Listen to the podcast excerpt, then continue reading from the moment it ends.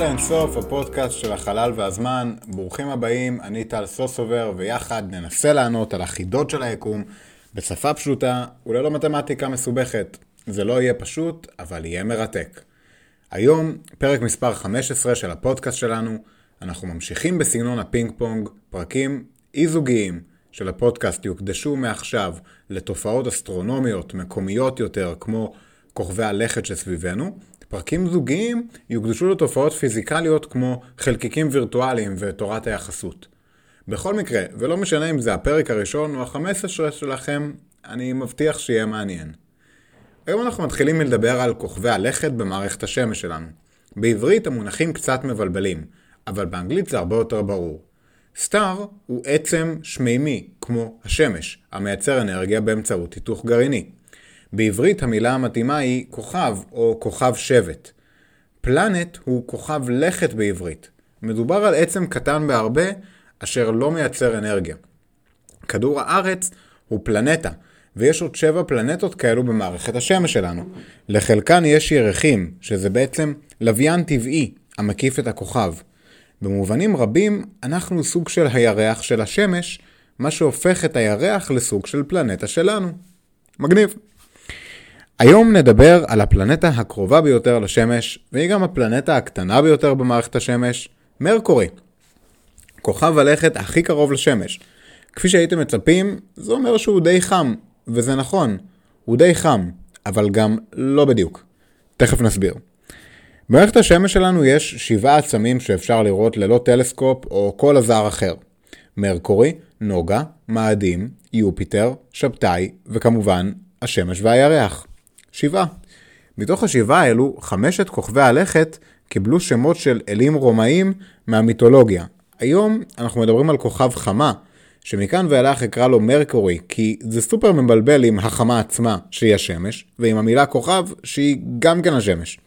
כוכב חמה הוא לא כוכב, הוא פלנטה, והוא לא חמה, הוא פשוט good old מרקורי. במערכת השמש יש שמונה פלנטות. נהוג לחלק אותן לשתי קבוצות. מרקורי, נוגה, כדור הארץ ומאדים הם הפלנטות הקטנות והסיליות. הן קרובות יותר לשמש.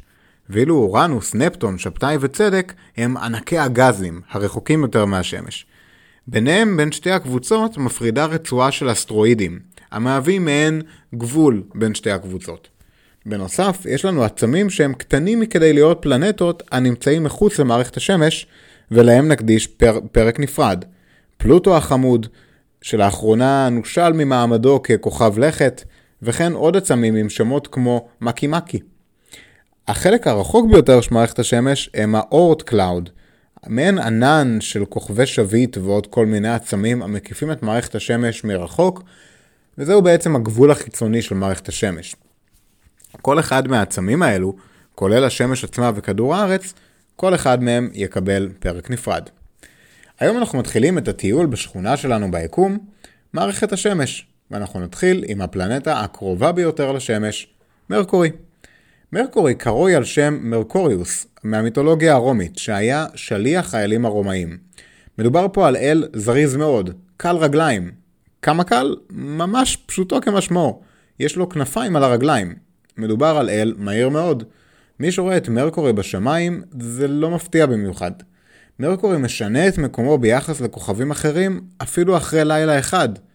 הוא מאוד מאוד מהיר, אבל הוא לא מתרחק מאוד מהשמש. הוא לא יכול להתרחק יותר מדי מהשמש, כי הוא מאוד קרוב אליה. כשצפו לראשונה במרקורי, ראו שהוא עובר מחזור של מופעים במהלך הזמן, ממש בדומה לירח שלנו שנראה שונה בכל יום בחודש. איך זה יכול להיות? זו הייתה אפשרות רק אם מרקורי מקיף את השמש ולא את כדור הארץ. אחת הראיות החזקות ביותר להיליוצנטריזם, התיאוריה לפיה השמש במרכז. התיאוריה הזו הלכה והתחזקה בעת הגילוי הזה סביב מרקורי ב-1639. כמובן שהיום כל ילד יכול להגיד לכם שזו התיאוריה הנכונה, אבל זה ממש לא היה מובן במאה ה-17. כפי שאמרנו, מרקורי הוא הפלנטה הפנימית ביותר במערכת השמש, והוא מקיף את השמש במרחק ממוצע של כ-58 מיליון קילומטר. זה בסך הכל שליש מהמרחק שלנו לשמש. הוא מאוד מאוד קרוב לשמש. לכן קשה לראות אותו, והוא תמיד מופיע מאוד קרוב לשמש. אפשר לראות אותו כנקודה קטנה על השמש לפעמים בסמוך לשקיעה, אבל זה מאוד קשה. בכל מקרה, הוא קרוב לשמש ויש לו מסלול אליפטי בגלל זה. כוח הכבידה העצום של השמש משפיע עליו חזק מאוד. מהירות ההקפה שלו היא גבוהה. מרקורי משלים הקפה אחת פעם ב-88 יום, ולכן אנחנו רואים אותו לפעמים כנקודה על השמש. כשהוא נמצא בדיוק בינינו לבינה, הוא נראה לנו כעיגול מלא. אבל אם הוא נמצא במנחים שונים, אנחנו רואים אותו מופיע שונה. כמו הירח שלנו. איך זה עובד? כשאנחנו מסתכלים לצד החשוך של מרקורי, והוא בצד השני, אנחנו רואים את החצי המואר שלו. בין לבין, הוא עובר את אותם מופעים כמו הירח, שר, חצי מלא וכולי. בניגוד לירח כמובן, הרבה יותר קשה להבחין במרקורי. קשה להבחין בו מכיוון שהוא לא מתרחק מהשמש. הוא תמיד נמצא באופק אחרי השקיעה או לפני הזריחה. כשאנחנו צופים בו, אנחנו רואים אותו מבעד ללכלוך והמערבולות באוויר שלנו. לכן הוא בדרך כלל די מטושטש. גרוע מכך, זה כוכב לכת קטנטן. קוטרו אך ורק 4,900 קילומטר, כשליש מרוחבו של כדור הארץ. הוא קטן מאוד, קרוב מאוד לשמש, ולכן הוא גם מסתנוור ממנה ונראה בהיר מאוד. הוא די מגניב, אבל קצת קשה לראות אותו. המסלול שלו הוא קצת מוזר. כמו שאמרנו, יש לו את המסלול הכי אליפטי מבין כל כוכבי הלכת במערכת השמש. הוא מתקרב עד בערך 46 עד 48 מיליון קילומטר מהשמש, ומתרחק כ-70 מיליון קילומטר ממנה. על כן, כשהוא קרוב, הוא מקבל כמעט פי שתיים מכמות האור והחום שהוא מקבל כשהוא רחוק. זה הבדל רציני, מה שמוביל להפרשי טמפרטורות קיצוניים בין חורף במרקורי לקיץ במרקורי. מרקורי קטן, וכפי שאמרנו, קשה מאוד לראות אותו. בוודאי שקשה לדעת מה בדיוק קורה על פני השטח שלו. לכן, במשך זמן רב, לא היה אפשר לגלות מה בדיוק קורה שם ומה אורך היום שלו. אסטרונומים שיערו שכוחות הגאות מהשמש נעלו את הקפתו של מרקורי, כך שאורך היום שווה לאורך השנה. ממש כמו שהירח שלנו משלים פעם אחת סיבוב סביב עצמו בכל פעם שהוא מקיף אותנו. זה היה המצב עד שנת 1965.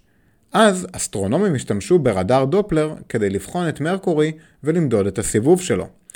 הם הופתעו. היום שלו הוא בערך 58 ימי ארץ בלבד, ולא 88 כמו השנה. זה לא מספר קטן. ליתר דיוק, אורך השנה במרקורי הוא 87.97 יום. האורך המדויק של היום הוא 58.65 יום של כדור הארץ. אם מחלקים את שני המספרים, מגלים שהשיעור ביניהם הוא כמעט בדיוק שני שליש. בואו נוסיף את העובדה שציינו קודם, המסלול של מרקורי הוא מסלול אליפטי. בנוסף, הוא קרוב מאוד לשמש. על כן, כוח המשיכה של השמש חזק בהרבה כאשר הוא קרוב אליה, לעומת כאשר הוא רחוק ממנה.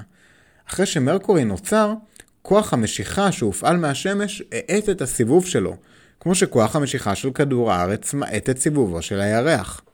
בשלב מסוים, סיבובו של מרקורי הגיע לכשני שליש מזמן ההקפה שלו, וצד אחד פונה לשמש, ואחרי 88 יום הוא מסתובב פעם וחצי, מה שאומר שכעת הצד ההפוך פונה לשמש. לאחר 88 יום ולאחר סיבוב החצי, זה חוזר על עצמו. אגב, כפי שחלקכם בטח שיערו, הוא קטן מכדור הארץ, והיום שלו קרוב לחודשיים בכדור הארץ, מה שאומר שהסיבוב שלו ממש איטי. בקו המשווה הוא מסתובב במהירות שיא של 11 קמ"ש. זה אומר שאפשר, בריצה קלה, להקיף את הכוכב מהר יותר ממהירות הסיבוב שלו, וכך לשמור על יום נצחי או לילה נצחי. רוצים לקבל שקיעה נצחית? לכו לכיוון השקיעה במהירות 11 קמ"ש. אבל האמת היא שזה לא כל כך פשוט, כי תוך כדי גם עוברת שנה. אז אולי תלכו לכיוון השקיעה ותעשו קצת חישובים תוך כדי. מה אפשר להבין מהיחס הזה של השני שליש בין היום לשנה במרקורי? האם זהו יחס יציב או שזה משתנה כל הזמן? אז מסתבר שהיחס הזה בין היום לשנה הוא תצורה יציבה ומקובלת, לא פחות מהיחס של אחד לאחד בין הסיבוב להקפה. הפיזיקה פועלת כך שכוחות המשיכה השונים בין הקיץ לחורף במרכאות מעדיפים כפולות פשוטות של מספרים פשוטים. על כן כשהיום הפך לשני שליש מהשנה, בהשפעת מסלול ההקפה האליפטי של מרקורי, כוח המשיכה של השמש הפסיק להאט אותו, וכך הגענו למצב יציב יחסית שמחזיק מעמד עד היום, וזה בסך הכל צפוי להישאר ככה. מה שמעניין הוא שמסלול ההקפה האליפטי של מרקורי, יחד עם שיעור ההקפה של שני שליש, יוצר יום מוזר מאוד במרקורי. אם תישארו בנקודה אחת, יידרש למרקורי בערך שנתיים, במונחים שלו, או 176 יום במונחים שלנו, להקיף את השמש פעם אחת. זאת מכיוון שאם אתם בצד של מרקורי השנה, הצד השני יפנה לשם בשנה הבאה. על כן, רק בתום השנה השנייה, תפנו שוב אל השמש. אבל זה יותר מוזר מזה. מהירות הסיבוב של מרקורי סביב עצמו היא קבועה. הוא לא מאיץ והוא לא מאט. עם זאת, התנועה שלו מסביב לשמש מהירה יותר בשלבים השונים, לפי המרחק שלו. כשהוא רחוק מהשמש, הוא מהיר יותר ממהירות ההקפה שלו, ואז השמש נעה בשמיים במהירות גבוהה במהלך היום לכיוון מערב. כשהוא קרוב לשמש, התנועה של מרקורי מסביב לשמש מפצה על הסיבוב שלו, ויותר מכך, נראה כאילו השמש עוצרת בשמיים, ואז היא נעה אחורה, מזרחה, למשך כמה ימים. ואז כשמרקורי מתרחק מהשמש, מהירות ההקפה שלו יורדת, והשמש ממשיכה לנוע מערבה שוב, כשסיבוב כדור כוכב הלכת מאט. איך זה נראה? אם תהיו בדיוק בנקודה הנכונה בזמן הנכון, תראו את השמש זורחת, מאיטה, עוצרת, שוקעת שוב, ואז זורחת שוב. ואתם חשבתם שלחשב מתי השקיעה בכדור הארץ? במרקורי זה הרבה הרבה יותר מסובך. מה לגבי פני השטח של מרקורי? קשה לראות את מרקורי מכדור הארץ, והרבה ממה שאנחנו יודעים עליו הוא תוצר של תצפיות מגשושיות שנשלחו לשם. מרינר 10 חלפה ליד מרקורי שלוש פעמים בשנות ה-70, ומיפתה כמעט חצי מפני השטח שלו. למדנו שאין לו כמעט אטמוספירה, ושלא במפתיע, מהסיבה הזו הוא מכוסה במכתשים. ב-2011 הגשושית מסנג'ר נכנסה למסלול מסביב למרקורי, אחרי שחלפה קרוב אליו כמה פעמים. התמונות שהיא שלחה לנו הן עוצרות נשימה, ובאמצעותן גילינו עולם שנכבט קשות לאורך השנים. פני השטח של מרקורי מלאים במכתשים, חורים ועוד צלקות מפגיעות של מטאורים שנתקלו בו. על כן הוא מכוסה במכתשים מקוטב לקוטב, חלקם בקוטר של מאות קילומטרים. פאנפקט על מרקורי, המכתשים האלה נקראים על שם אומנים, כדומת כל מיני מוזיקאים, סופרים, ציירים ועוד. יש מכתש בורטוצ'לי, מכתש צ'קרוב, מחשב דבוסי, זולה ועוד. יש אפילו מכתש על שם טולקין. נשמע כמו מקום מעולה להשמיד בו את הטבעת. אבל רגע, יש שם בכלל הרי געש? יש שם פעילות געשית? בואו נראה מה קורה מתחת לפני השטח. מה ההרכב הפנימי של מרקורי? לכאורה הכוכב נראה דחוס, כמעט כמו כדור הארץ. אנחנו יודעים שפני השטח שלו סיליים, אז כדי להיות דחוס בדיוק כמו כדור הארץ, צריכה להיות לו ליבת ברזל גדולה. גדולה בהרבה ביחס לכוכב הלכת, לעומת מה שיש אצלנו. ליבתו של מרקורי תופסת בערך שלושת רבעי מהקוטר שמתחת לפני השטח. זה המון ברזל. איך זה יכול להיות שיש בו כל כך הרבה ברזל ביחס לגודל שלו? ככל הנראה, מרקורי נוצר גדול יותר, ואז עצם שהתחכך בו התיז הרבה מהחומרים הקלים יותר שעליו לפני השטח, והותיר את החלק עצמו הדחוס. ייתכן שהחשוד המיידי שלנו צריך להיות החום של השמש, שעדיין התפתחה בשלביה הראשונים, והידתה את החומרים הקלים מפני השטח של מרקורי. ככה או ככה, ליבת הברזל מובילה לכך שלמרקורי יש שדה מגנטי שאפשר למדוד, שזה קצת מפתיע כי הסיבוב שלו איטי כל כך. תראו, שדה מגנטי נוצר כאשר מתכת מסתובבת, כמו בגנרטור, או כמו השדה המגנטי של כדור הארץ, הנוצר מהסיבוב של ליבת כדור הארץ. סיבוב מלא תפקיד חשוב ביצירת השדות המגנטיים. ככל שהליבה גדולה יותר, כך השדה המגנטי חזק יותר, למרות הסיבוב האיטי. מרקורי אמנם עם ליבה גדולה מאוד, אבל סיבוב איטי, ולכן יש לו שדה מגנטי חלש יחסית. מה לגבי אטמוספירה? אז האמת היא שאין לו כמעט אטמוספירה, אבל יש מעט. במיוחד בזכות השדה המגנטי החלש שדיברנו עליו, שכולה חלק מרוחות השמש, והחומר שמותח מפני השטח אחרי שכל מיני אסטרואידים פוגעים בו. הרבה מהחומר הזה מותח מפני השטח, נמלט מכוכב הלכת, ורוח השמש ולחץ מאור השמש מעיפים אותו. הוא יוצר זנב המזכיר זנב שביט באורך עשרות מיליוני קילומטרים. הזנב הזה מורכב מיסודות כמו נתרן, סידן ומגנזיום, חומר שידוע שקיים בשפע על פני השטח של מרקורי. אם כבר מדברים, הנה עובדה מעניינת. ביחס למשקל שלו, פגיעות במרקורי אלימות יותר מאשר על כדור הארץ. איך זה קורה? זה קורה כי למרקורי כוח כבידה חלש יותר, והוא לא מושך אליו עצמים באותו הכוח כמו כדור הארץ, אבל הוא מקיף את השמש מהר יותר, ולכן אסטרואידים ושביטים פוגעים בו במהירות רבה יותר. לכן האנרגיה גבוהה יותר והמכתשים גדולים יותר. מרקורי טומן בחובו הפתעה נוספת, והיא ממש מפתיעה. אף על פי שהוא כל כך קרוב לשמש והטמפרטורה על השטח מגיעה עד 430 מעלות צלזיוס, אסטרונומים מצאו קרח במרקורי. קרח מים, כמו שיש לכם באייס קפה. איך זה יכול להיות? הקרח הזה נמצא במעמקי מכתשים ליד הקוטב, לשם אור השמש פשוט לא מגיע. אלו מכונים מלכודות קור, והטמפרטורות שם לא עולות מעל מינוס 170 מעלות צלזיוס. לא ידוע בוודאות מניין הגיעו לשם כל המים, אבל ככל הנראה מדובר על מים שהגיעו משביטים ואסטרואידים שפגעו בכוכב הלכת ופיזרו מים על פני השטח שלו.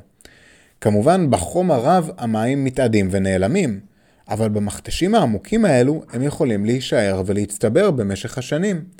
ייתכן שיש שם מיליארדי טונות של מים.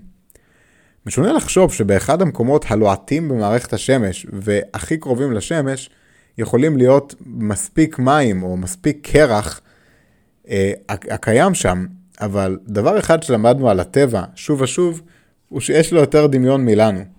בנוסף, מרקורי לא כל כך חם כמו שאפשר לחשוב. האמת היא שהוא אפילו לא הפלנטה הכי חמה במערכת השמש. נוגה לקחה לו את הכבוד המפוקפק, ועל זה נדבר בפרק הבא. בכל מקרה, במרקורי יש לנו את הפרשי הטמפרטורות הכי קיצוניים במערכת השמש. זה נובע מכך שאין לו אטמוספירה, מה שמובדיל לאובדן חום מהיר מאוד כאשר הוא לא פונה לשמש. בלילה הטמפרטורה יורדת עד למינוס 170 מעלות צלזיוס, וביום מעל 400. על כן, בואו נגיד בינינו שמרקורי הוא לא בדיוק פלנטה אידיאלית לגור בה. נניח שהייתה לנו הטכנולוגיה והרצון לגור שם. איך זה היה מרגיש? עד היום שתי גשושיות הגיעו למרקורי. הראשונה, מרינר 10 שציינו קודם, ביצעה שורה של גיחות ב-1974 וראתה חצי פלנטה. פרויקט המסנג'ר במאה ה-21 ביצע תיעוד יותר מקיף של הפלנטה בטעם הראשונה. וזה מדהים. מסנג'ר גילה את הקרח בכתבים של מרקורי, הנמצאים בחושר המוחלט שדיברנו עליו. אם כן נחליט לגור שם מאיזושהי סיבה, יהיה כדאי להתחיל מלכרות את הקרח המרוכז בכתבים של מרקורי, אבל לגור ממש בקוטב זה גם לא רעיון חכם במיוחד. הקוטב מקבל קרינה חזקה מאוד מהשמש, והדבר היחיד שנוכל לעשות זה להתחפר באדמה. אפשרות טובה יותר תהיה להקים בסיס אם לא רחוק מהכתבים, אולי במכתש מסוים, ומשם להביא את הקרח מהכתבים. בוא נניח שעשינו את זה. סיימנו יום עבודה ארוך במפעל קריאת הקרח בקוטב, וכעת אנחנו שוכבים על הקרקע ומסתכלים לשמיים. איך השמיים נראים? קודם כל, השמיים שחורים. גם באמצע היום, השמיים ממש שחורים. וגם זה נובע מהעובדה שלמרקורי אין אטמוספירה. האטמוספירה שלנו בכדור הארץ, יש בה מולקולות אוויר הנתקלות אחת בשנייה טריליוני פעמים בשנייה. במרקורי אין אוויר, אין כלום. אנחנו רואים את הכוכבים והם אפילו לא מרצדים, פשוט נקודות אור חזקות בצבע לבן. שמיים שונים לחלוטין ממה שאנחנו רגילים לראות. בנוסף, השמש במרקורי נראית בערך פי שלוש בהירה וגדולה יותר מכדור הארץ, וכמובן שבלי אטמוספירה היא בצבע לבן. לכן אנחנו ממליצים לכם לא לשכוח לארוז משקפי שמש למסע למרקורי. הבעיה העיקרית היא שהמחסור באטמוספירה גם חושף כל מי שנמצא על מרקורי לקרינה מסוכנת כמו קרינה UV וקרינות מסרטנות אחרות, וזה מבלי להזכיר את האור החזק והחום הבלתי נסבל, שיכול להעמיס גם עופרת. בנוסף, אמנם השטח של כדור הארץ חשוף למטחי מטאורים שלא נגמרים, אבל לנו יש אטמוספירה שמגנה עלינו. במרקורי צריך להיזהר שלא תפגע בנו אבן קטנה במהירות גבוהה מהחלל, היא תרגיש כמו אקדח, כמו כדור של אקדח, סליחה, בעולם הזה. שוב, אין מי שיעצור אותה, כי אין אטמוספירה. אין שום דבר שישרוף וירכך כל סלע שמגיע לכוכב. עניין לא נעים נוסף במרקורי הוא רעידות האדמה. זה קצת מוזר, כי במרקורי אין לוחות טקטונים כמו בכדור הארץ, אבל כוחות הגאות והשפל הנובעים מהכבידה של השמש גורמים לאדמה שלו להימעך ולהתרחב כל הזמן, מה שמוביל לרעידות אדמה אלימות. גם לא בדיוק יוסיפו לנו הרבה נחת רעידות האדמה האלו בתחנת החלל. אז בואו נרד מהרעיון הזה, או שעוד לא השתכנעתם.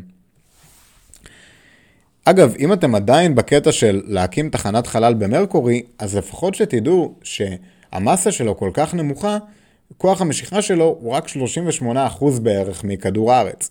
זה אומר שאפשר לקפוץ פי שלוש גבוה יותר במרקורי. כבד יותר מהירח, אבל מגניב לא פחות. עכשיו, אם אנחנו רוצים לעשות שיחת זום עם כדור הארץ, קחו בחשבון שלאור, או לכל סיגנל אחר, לוקח בערך 5 דקות לעשות צד אחד של הדרך מכדור הארץ למרקורי. העברת הודעה כמו שלום, תיקח 5 דקות לכל כיוון. לא מעט, אבל זה מה יש.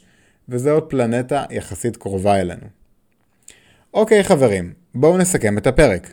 היום דיברנו על מרקורי, הפלנטה הקטנה ביותר במערכת השמש והקרובה ביותר לשמש עצמה. מדובר על כדור קטן יחסית, אבל מרתק, על אף הגודל שלו.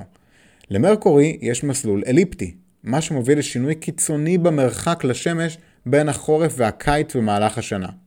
כל זאת, גם בהתחשב בזה שהיחס בין השנה והיום במרקורי הם 2 ל-3, מה שגורם לכל מיני תופעות מוזרות כמו זריחה, שקיעה במזרח ושוב זריחה במזרח והפעם שקיעה במערב באותו היום, וזה מוזר, אבל זה מגניב. על אף שמרקורי, הכוכב, לכת, הוא הפלנטה הקרובה ביותר לשמש, מרקורי לא רותח, והוא אפילו לא הפלנטה החמה ביותר במערכת השמש. זאת מכיוון שלמרקורי אין אטמוספירה, ולכן הוא לא אוגר חום. המחסור הזה באטמוספירה גם מוביל לכך שיש המון פגיעות מטאורים במרקורי, וכן ששמי הלילה נראים שונים לגמרי משמי היום. אפילו הכוכבים לא מרצדים שם. זה האמת לא משנה כל כך אם זה לילה או יום, אבל ביום השמש מופיעה פי שלוש גדולה יותר מאשר בכדור הארץ. מה שכן משנה בין הלילה ליום בעיקר זה הפרשי הטמפרטורות העצומים, המגיעים לבערך 600 מעלות הפרש, מה שקצת מרתיע אותנו במחשבה להקים שם יישוב חדש. יחד עם זאת, יש לו המון קרח מים בכתבים, באזורים בהם אור השמש לא פוגע ולא מעדה את המים. אז אולי כדאי להתחיל משם. מרקורי הוא פלנטה מרתקת, שלצערי לא זוכה להמון יחסי ציבור, אבל יש המון מה ללמוד ממנה. נראה מי מכם הצליח להחזיק כל כך הרבה זמן בריקוד כל כך מוזר סביב גוש מימן רותח שנקרא השמש. ועוד ככה, עם כל הריקוד הזה והקרבה, ולקרוא לכל המכתשים שלו על שם סופרים, משוררים ואומנים, זה מכובד. עד כאן הפרק על מרקורי. בפרקים הבאים נמשיך עם הפינג פונג בין הזוגי לאי זוגי. נדבר על אנטי חומר ואנרגיה אפלה בפרקים הזוגיים, ובפרקים האי זוגיים נדבר על הטבעות של שבתאי ועל פלוטו החמוד. יהיה מעניין. תודה רבה רבה לכם על ההקשבה.